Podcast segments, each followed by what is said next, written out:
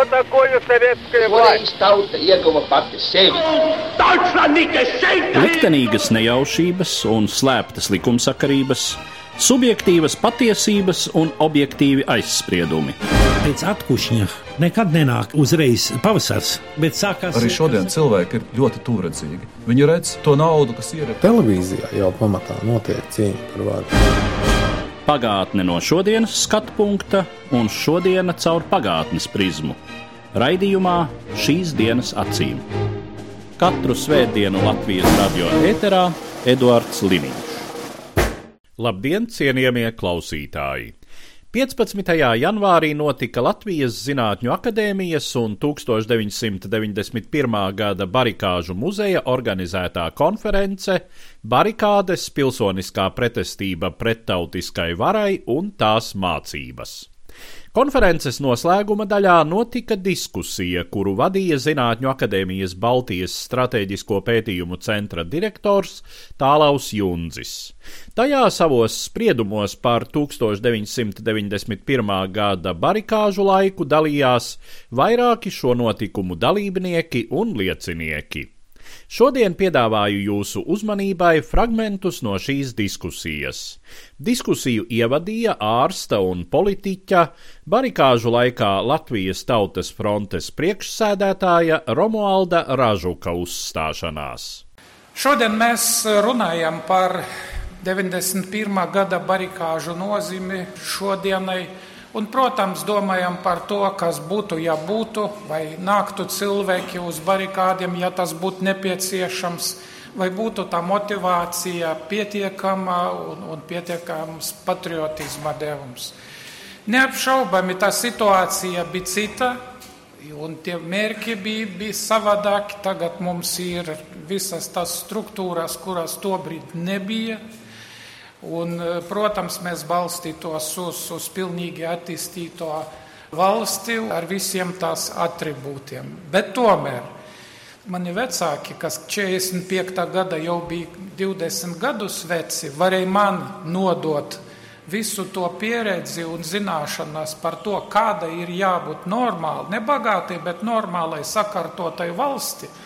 Un uz tā pamata es un citi 30 gadnieki toreiz mums bija nu, diezgan skaidra izpratne, ko mēs gribam panākt un, un kādai tai Latvijai ir jābūt. Tāpēc tagad arī mēs, barikāžu dalībnieki un tie, kas pārdzīvojuši to laiku, savukārt nododam, un mums tas ir jādara jaunajai paudzei, mūsu pieredzi par nevardarbīgo pretošanos, par ko priecājas daudzi lietpratēji un zinātnieki Viesojoties komandējumā Bulgārijas galvaspilsētā Sofijā, es nejauši uzgāju obelisku no pelēka granīta, kur bija akmeni iekalts. Nav akmeni iecirstu patiesību, un katra nākamā paudze savas valsts neatkarību izcīna no jauna. Un to bija parakstījis apakšā. Tas arī bija izkalts Amerikas Savienoto valstu prezidents. Un ja tik varenas valsts prezidents to ir teicis, un Bulgāri to nolikuši pilsētā savā galvenajā parkā kā tādu pierādījumu vai lozungu, ko tur runāt par mūsu Latviju, kas šitik gadsimtus ir, ir vajāta un tomēr spējusi divreiz atgūt savu neatkarību. Tāpēc ir nenovērtējama barikāžu pieredze, tas gars un, un vēsturiskie notikumi, bet, protams, pirms mēs liekam šo pieredzi mūsu vēsturēs plauktā, būtu jāatbrīvojas no vairākiem mītiem. Un pirmais mīts par to, ka barikādes tapušas it kā pašas no sevis tā saskrēja tauta un tapa barikādes. Es nemitīgi to atkārtoju un, un varu to pierādīt ar faktiem un liecībām. Šis darbs faktiski barikāžu nobriešanā sākas jau agrīnajā 90. gada rudenī, kad pakāpeniski no nodaļām un novadiem tautas frontes pārstāvji padrusciņai nesa šīs idejas, Ko tad mēs darīsim, ja tiks ieviests kara stāvoklis un likumīga augstākā padome un valdība tiks ierobežotas vai atceltas? Jo toreiz mēs svēti ticējām, ka droši vien mums, tāpat kā polijas solidaritātei, gadus deviņus nāksies vēl dzīvot puspagrīdēs apstākļos, jo gan Gorbačova aicinājumi palika arvien niknāki. Mēs redzējām, ka Omons paliek arvien zvērīgāks, notiek neizprotami sprādzieni kapsetas, padomju armijas bruņu tehnika, riņķo pa naktim ap Rīgu, e, manevrējot, droši vien mācoties noslēgt Rīgu.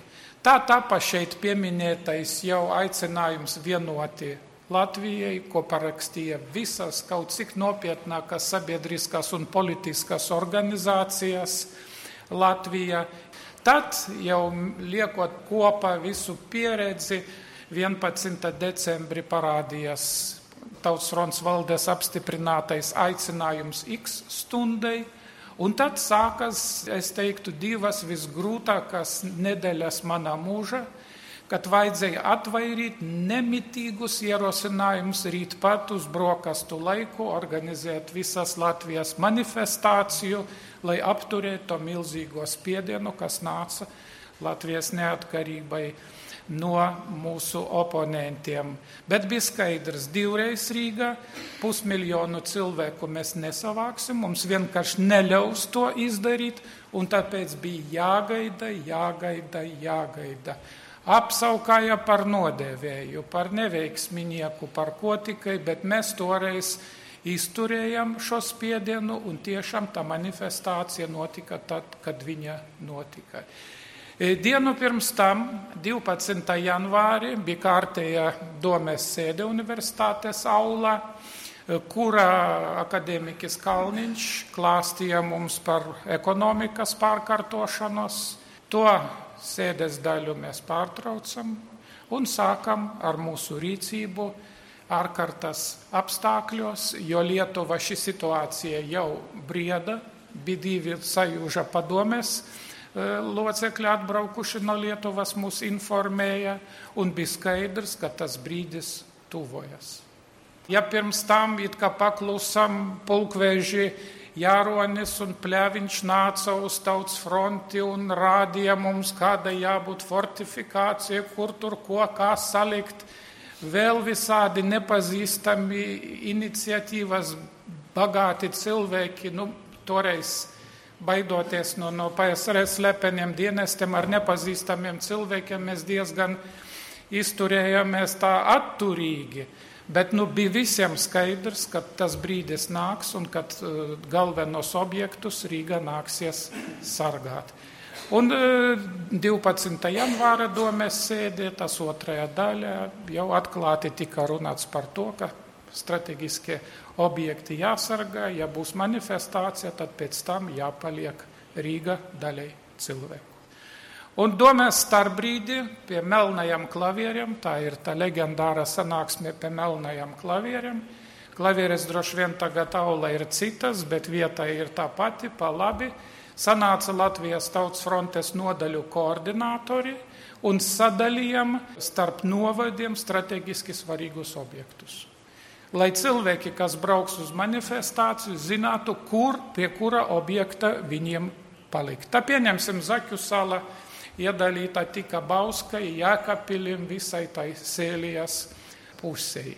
Un ņemot vērā, ka pa stundām tā situācija Viļņā pasliktinājās, tika piekodināts Tautas frontes nodaļu koordinatoriem nakti negulēt, dežurēt pie radioaparātiem, jo Toreiz vienīgais tāds operatīvais saziņas līdzeklis bija Latvijas rādio pirmā programma, un mēs teicām, ka tieši dosim pirmajā programmā komandu. Un tieši tā, tad, kad podnieka studijās atvestie kadri parādījās televīzijas ekrānos, tas bija kaut kur droši vien jau pēc trījiem, pulksten četros Dainis pateica tos vārdus, ka vajag braukt uz Rīgu, pulksten 14. kā mēs, mēs bijām runājuši, piedalīties Vislatvijas manifestācijā. Un desmit stundas bija dotas tam, lai 700 tūkstošu cilvēku sabrauktu uz Rīgu. Un tas bija tik pēkšņi, tik ātri, ka padomju slepenie dienesti, armija un visi pārējie nenorēģēja. Viņi nedomāja, ka tādas pavēles var tikt dotas radio atklāti pirmajā programmā. Paralēli tam Bodmaņa valdības ministri Dainis Gēgers un Juris Janovskis sagādāja smago celtniecības un lauksaimniecības tehniku, kas kustējas uz Rīgu. Jo toreiz, jūs zināt, nebija nevienas smagas mašīnas, neviena traktora privāta īpašuma. Tur liela nozīme Ilzei Cielavai, Ivara Godmaņa palīdzēja, kas bija arī Tautas frontes valdes locekle un spēlēja šo saikni starp valdību un tautas fronti. Un tā sākas barikādes, cilvēki palika pēc manifestācijas Rīgā, un, protams, tur jau, tur jau viņi meklēja visu kaut ko, no kā celtas barikādes. Mūsu tajā programmā X stundai un, un pārējos lēmumos nebija rakstīts, no kā celt barikādes un, un kā tas apsargāt. Otrais mīts, ka barikādēs piedalījās simtiem tūkstošu cilvēku, nekā tam līdzīga. Ar barikāžu piemiņas zīmēm apbalvoti 32 tūkstoši. Tagad tiek pasniegti, turpinot šo tradīciju, pateicības raksti par Rīgas aizstāvību un Latvijas aizstāvību vēl vienam tūkstotim. Es domāju, ka šis process turpināsies. Kāds vēl viens tūkstotis tiks apbalvots. Es no Daina Gēgera dzirdēju, ka ne visi smagas tehnikas šoferi ir apbalvoti, kas ne caur tautas fronti, bet caur citām organizācijām. Pārsvarā apzināt barikāžu dalībniekus Latvijas novados nav nekādu problēmu. Tu atbrauc uz novadu, viņi visi stāv aktu zālē, tie, kuru vairs nav uz ekrāna. Varbūt Rīga, kur cilvēki atnāca paši savu pienākumu saukti, būtu grūtāk to izdarīt. Bet mēs vēl esam šeit, esam dzīvi, atceramies, kurš bija, kurš nebija, un to tūkstoti vai cik vēl, vēl vajadzētu pielasīt. Turpinājumā Latvijas Zinātņu akadēmijas akadēmiķa, fizikāla ķīmiķa un zinātņu vēsturnieka, arī aktīva barikāžu akciju dalībnieka Jāņa Stradiņa viedoklis. Barikādas ne tikai palīdzēja nosargāt neatkarību, bet palīdzēja arī reāli iegūt neatkarību jo viņas parādīja teiksim, to vienotības spēku, un tam ir visciešākais sakars ar Marta referendumu. Tā ir pašā gadā, kad 63% tie ir. Protams, ne tikai latvieši, tie ir arī ļoti daudzi citu tautieši nobalsoja par Latviju kā par neatkarīgu valsti. Tā kā es domāju, ka tam bija ļoti liela nozīme. Ļāva izjust tautas vienotību arī parādīja pasaules sabiedrībai tautas gribu, tas ir noteikti. Un es teiktu, ka arī apturēja Maskavu lietot bruņotu spēku, jo taisnība sakot, Maskava jau varbūt būtu lietojusi bruņotu spēku, bet šeit pirmkārt pasaules sabiedriskā doma ar dažādām sankcijām ar dažādu spiedienu, sevišķi Amerikas Savienoto Valstu prezidents Bušs toreizējais, tas tiešām bija viens no galvenajiem traucējušiem faktoriem. Un te es domāju, ka arī latviešu trimde ļoti daudz palīdzēja. Katrā ziņā viena lieta gan, man liekas, kad visi barīkāršu dalībnieki arī atcerās, ka bija ļoti gaiši cilvēki, maz kriminalitātes tajā laikā bija, maz dzeršanas, tādas piedzeršanās bija. Taisn otrādi, tie cilvēki sildījās ar tēju, nāca tāda vienotība, viss radās katrā ziņā neapbruņots cilvēks uz barikādēm aicināt un organizēt nevardarbīgo pretošanos. Man liekas, ka tā bija pareiza taktika un vienīgi iespējamā. 1991. gada barikāžu muzeja direktors Renārs Zaļais bija starp tiem Latvijas milicijas darbiniekiem, kuri 1991. gada 20. janvārī aizsargāja iekšlietu ministrijas ēku no Omon kaujiniekiem. Uzbrukumā Renārs Zaļais tika smagi ievainots. Viņa pārdomas par barikāžu laiku balstās muzeja darbā gūtajos iespaidos. Es pastāstīšu par to, ar kādām izjūtām ļaudis devās uz barikādēm, un eh, daža barikāžu dalībnieka stāstījums pārstāstīt. Man nācās tikties tukumā ar vienu barikāžu dalībnieku, aizbraucām pie viņa uz mājām, apsveikt viņu simts gadu jubilejā. Un viņš stāstīja, viņam jau barikāžu laikā bija cienījams vecums un tautas frontes biedri. Viņam teica, paliec mājās, jūs esat jau cienījama vecumā, bet viņš savā laikā izgājis gan visas padomu laikā represijas, nodzīvojis 20 gadus izsūtījumā. Viņš es sapratu, ka viņš nu, nevar mājās palikt. Kāpa elektriskajā vilcienā un aizbraucu uz Rīgu un brauca uz Rīgu nevienreiz vien, bet viņš stāstīja, nu, es sev žaketē ieliku zīmīti, uz kuras uzrakstīju. Manas nāves gadījumā piezvaniet manai sievai uz tukumu pa telefonu tādu un tādu no šī stāsta jūs saprotat, ka uz barikādēm devās nekā uz pastaigu, un vēl par to vienotības, labestības attieksmi. Pie ugunskura barikāžu laikā Dirnavu ielā pienāca sieviete un saka barikāžu dalībniekiem. Es dzīvoju šeit pavisam netālu. Es jums atstāšu savā dzīvokļa atslēgas. Mājās man ir uzvārīta zupa. Ja kādam vajag atpūsties, atpūtieties, nomazgājieties dušā, vannā, un kad es nākšu no darba pie ugunskura, paņemšu savu dzīvokļa atslēgas. Filozofes Latvijas Zinātņu akadēmijas filozofijas un socioloģijas institūta vadītājas Maijas Kūles darba vieta 1991. gada janvārī atradās Vecrīgā barikāžu loka iekšpusē. Turpinājumā viņas secinājumi. Es gribu teikt, ka tas, kas notika barikādēs, tas bija attiecības simboliskajā, garīgajā pasaulē. Jo visi militāristi smējās, nu viņi pasaka, nu 5 minūtes, nu 20 minūtes, nu mēs tā kā jūs ieņemsim. Nu. Bet cīņa jau vēsturē vienmēr notiek par vērtībām, idejām, par garu, ko cilvēki domā, ko viņi aizstāv un par ko dod dzīvības. Un augstākā likme katram ir dzīvība dot. Mūsu paudzei tā bija visaugstākā likme, kas mums vispār mūžā ir bijusi. Mēs neesam kara paudze, vismaz ne manējā. Ja?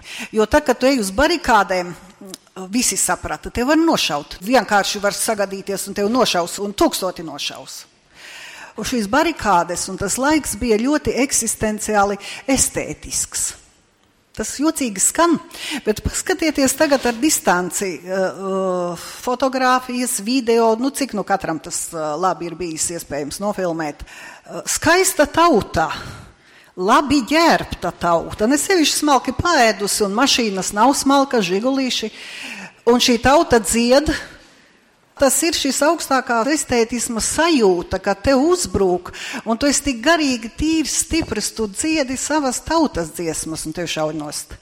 Arī tas, uh, uh, kā cilvēki izturās, nu, toreiz visi kā dzirdēja, nezog, nav tādu kriminālistu, atslēdzam durvis, iedodam svešiniekam ēst. Un barikādas ir tīras, viņas ir garīgi tīras, un vēl viņas ir fiziski, materiāli tīras. Viņās nav atkritumu. Acīm redzot, deg uguns, kur ir janvāris, un uh, krūzītes, nu, tādas visādi papīri vai kas, viņi iet uz ugunskuriem. Un vēl viens moments. Stāv mašīnas, stāv traktori, baļķi, bet tie visi ir darba rīki. Mēs esam strādīga tauta. Mēs atvācām uz nedēļu darba rīkus. Un ko dara Omons? Omons stulbeņi vispār jāsaka. Viņi šauj pa darba rīkiem, viņi noniecina darbu. Un saprotiet, barikāda šādā simboliskā līmenī viņi nes zīmes, viņi nes tēlus, viņi rāda, kas tā ir par tautu un vai viņa ir pelnījusi valsti. Un, ja tā no malas tagad paskatās, tādi tāli, tāli cilvēki kaut kādi, nu, sajūta ir, viņi ir pelnījusi valsti. Viņa nav cilts, viņa nav vardarbīga, viņiem, viņiem tās pienākās. Arī Romas katoļu baznīcas Rīgas arhibīskaps metropolīts Zbigņevs Stankevičs bija aktīvs trešās atmodas dalībnieks, darbodamies Latvijas Poļu savienībā. 1991. gada janvāra notikumus Rīgā tobrīd topošais priesteris vēroja no attāluma. Viņš studēja Ljubljinas katoļu universitātē Polijā.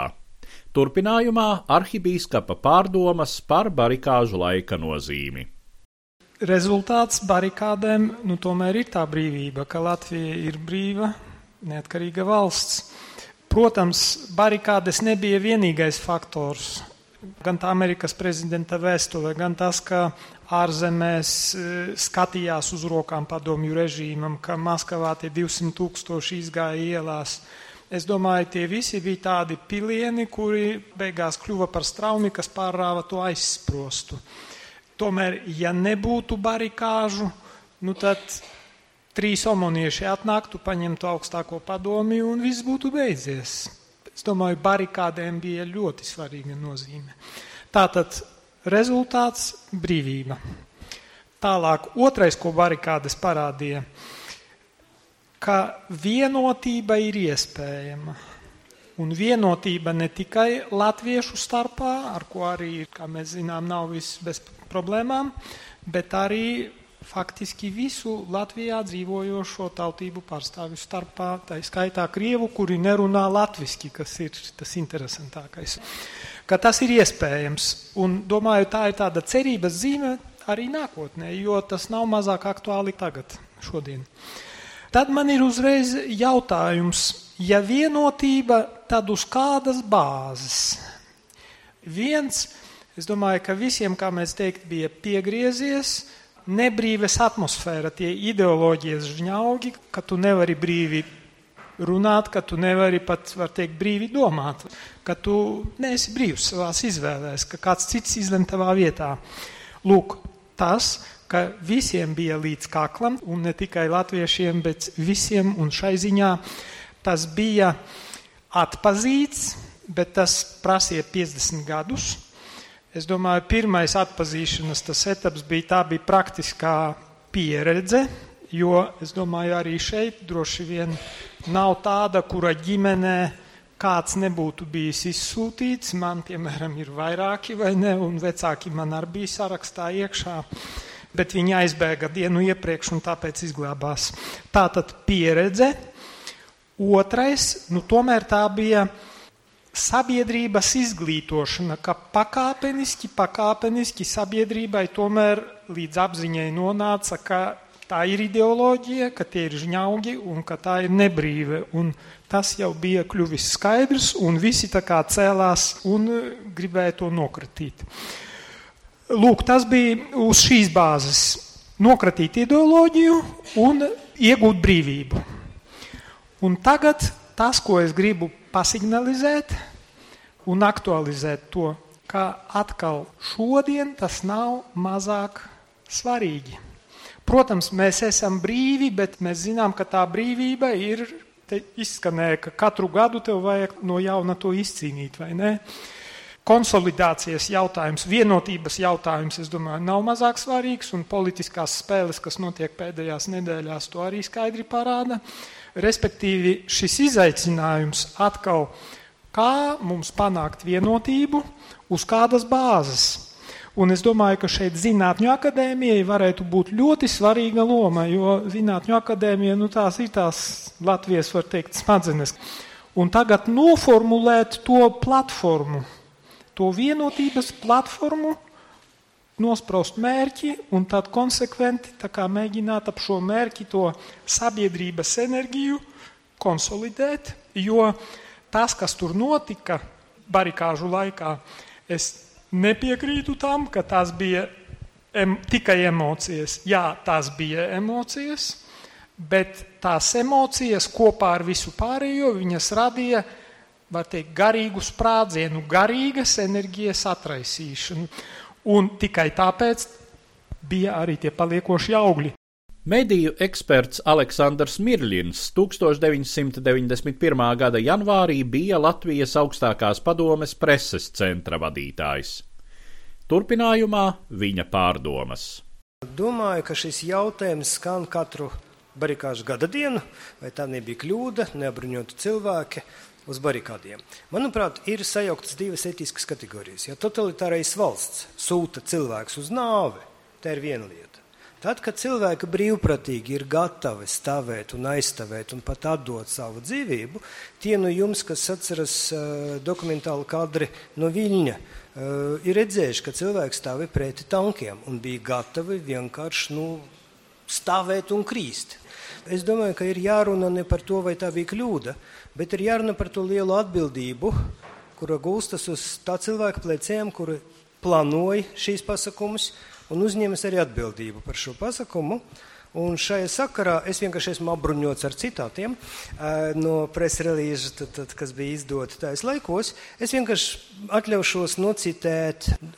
Vispirms, cik tas divai nebūtu, uh, 13. janvāris sākas ar Daņu Ivanu uzrunu, ka tas nav labs rīts, jūs atcerieties, tie bija viņa pirmie vārdi, bet jau desmitos sanāk augstāks padoms prezidija, kur starp citiem jautājumiem bija apspriest arī jautājums par to, ka Citēju. Tāpat prezidija ierosināja apspriest iespēju pieņemt lēmumu par brīvdienas noteikšanu skolniekiem studentiem, kā arī vecāku aicināšanu parūpēties par to, lai bērni neatrastu uz ielām un vēlams pat tiktu izvēsti no Rīgas. Ja?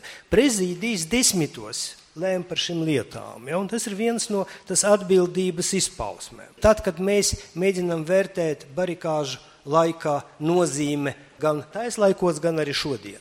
Un, manuprāt, neapbruņoti cilvēki uz barikādiem, tā ir cilvēku gatavība atdot to visdārgāko, kas katram mums ir, laikam par kaut ko tādu, kas ir dārgāk nekā dzīvība.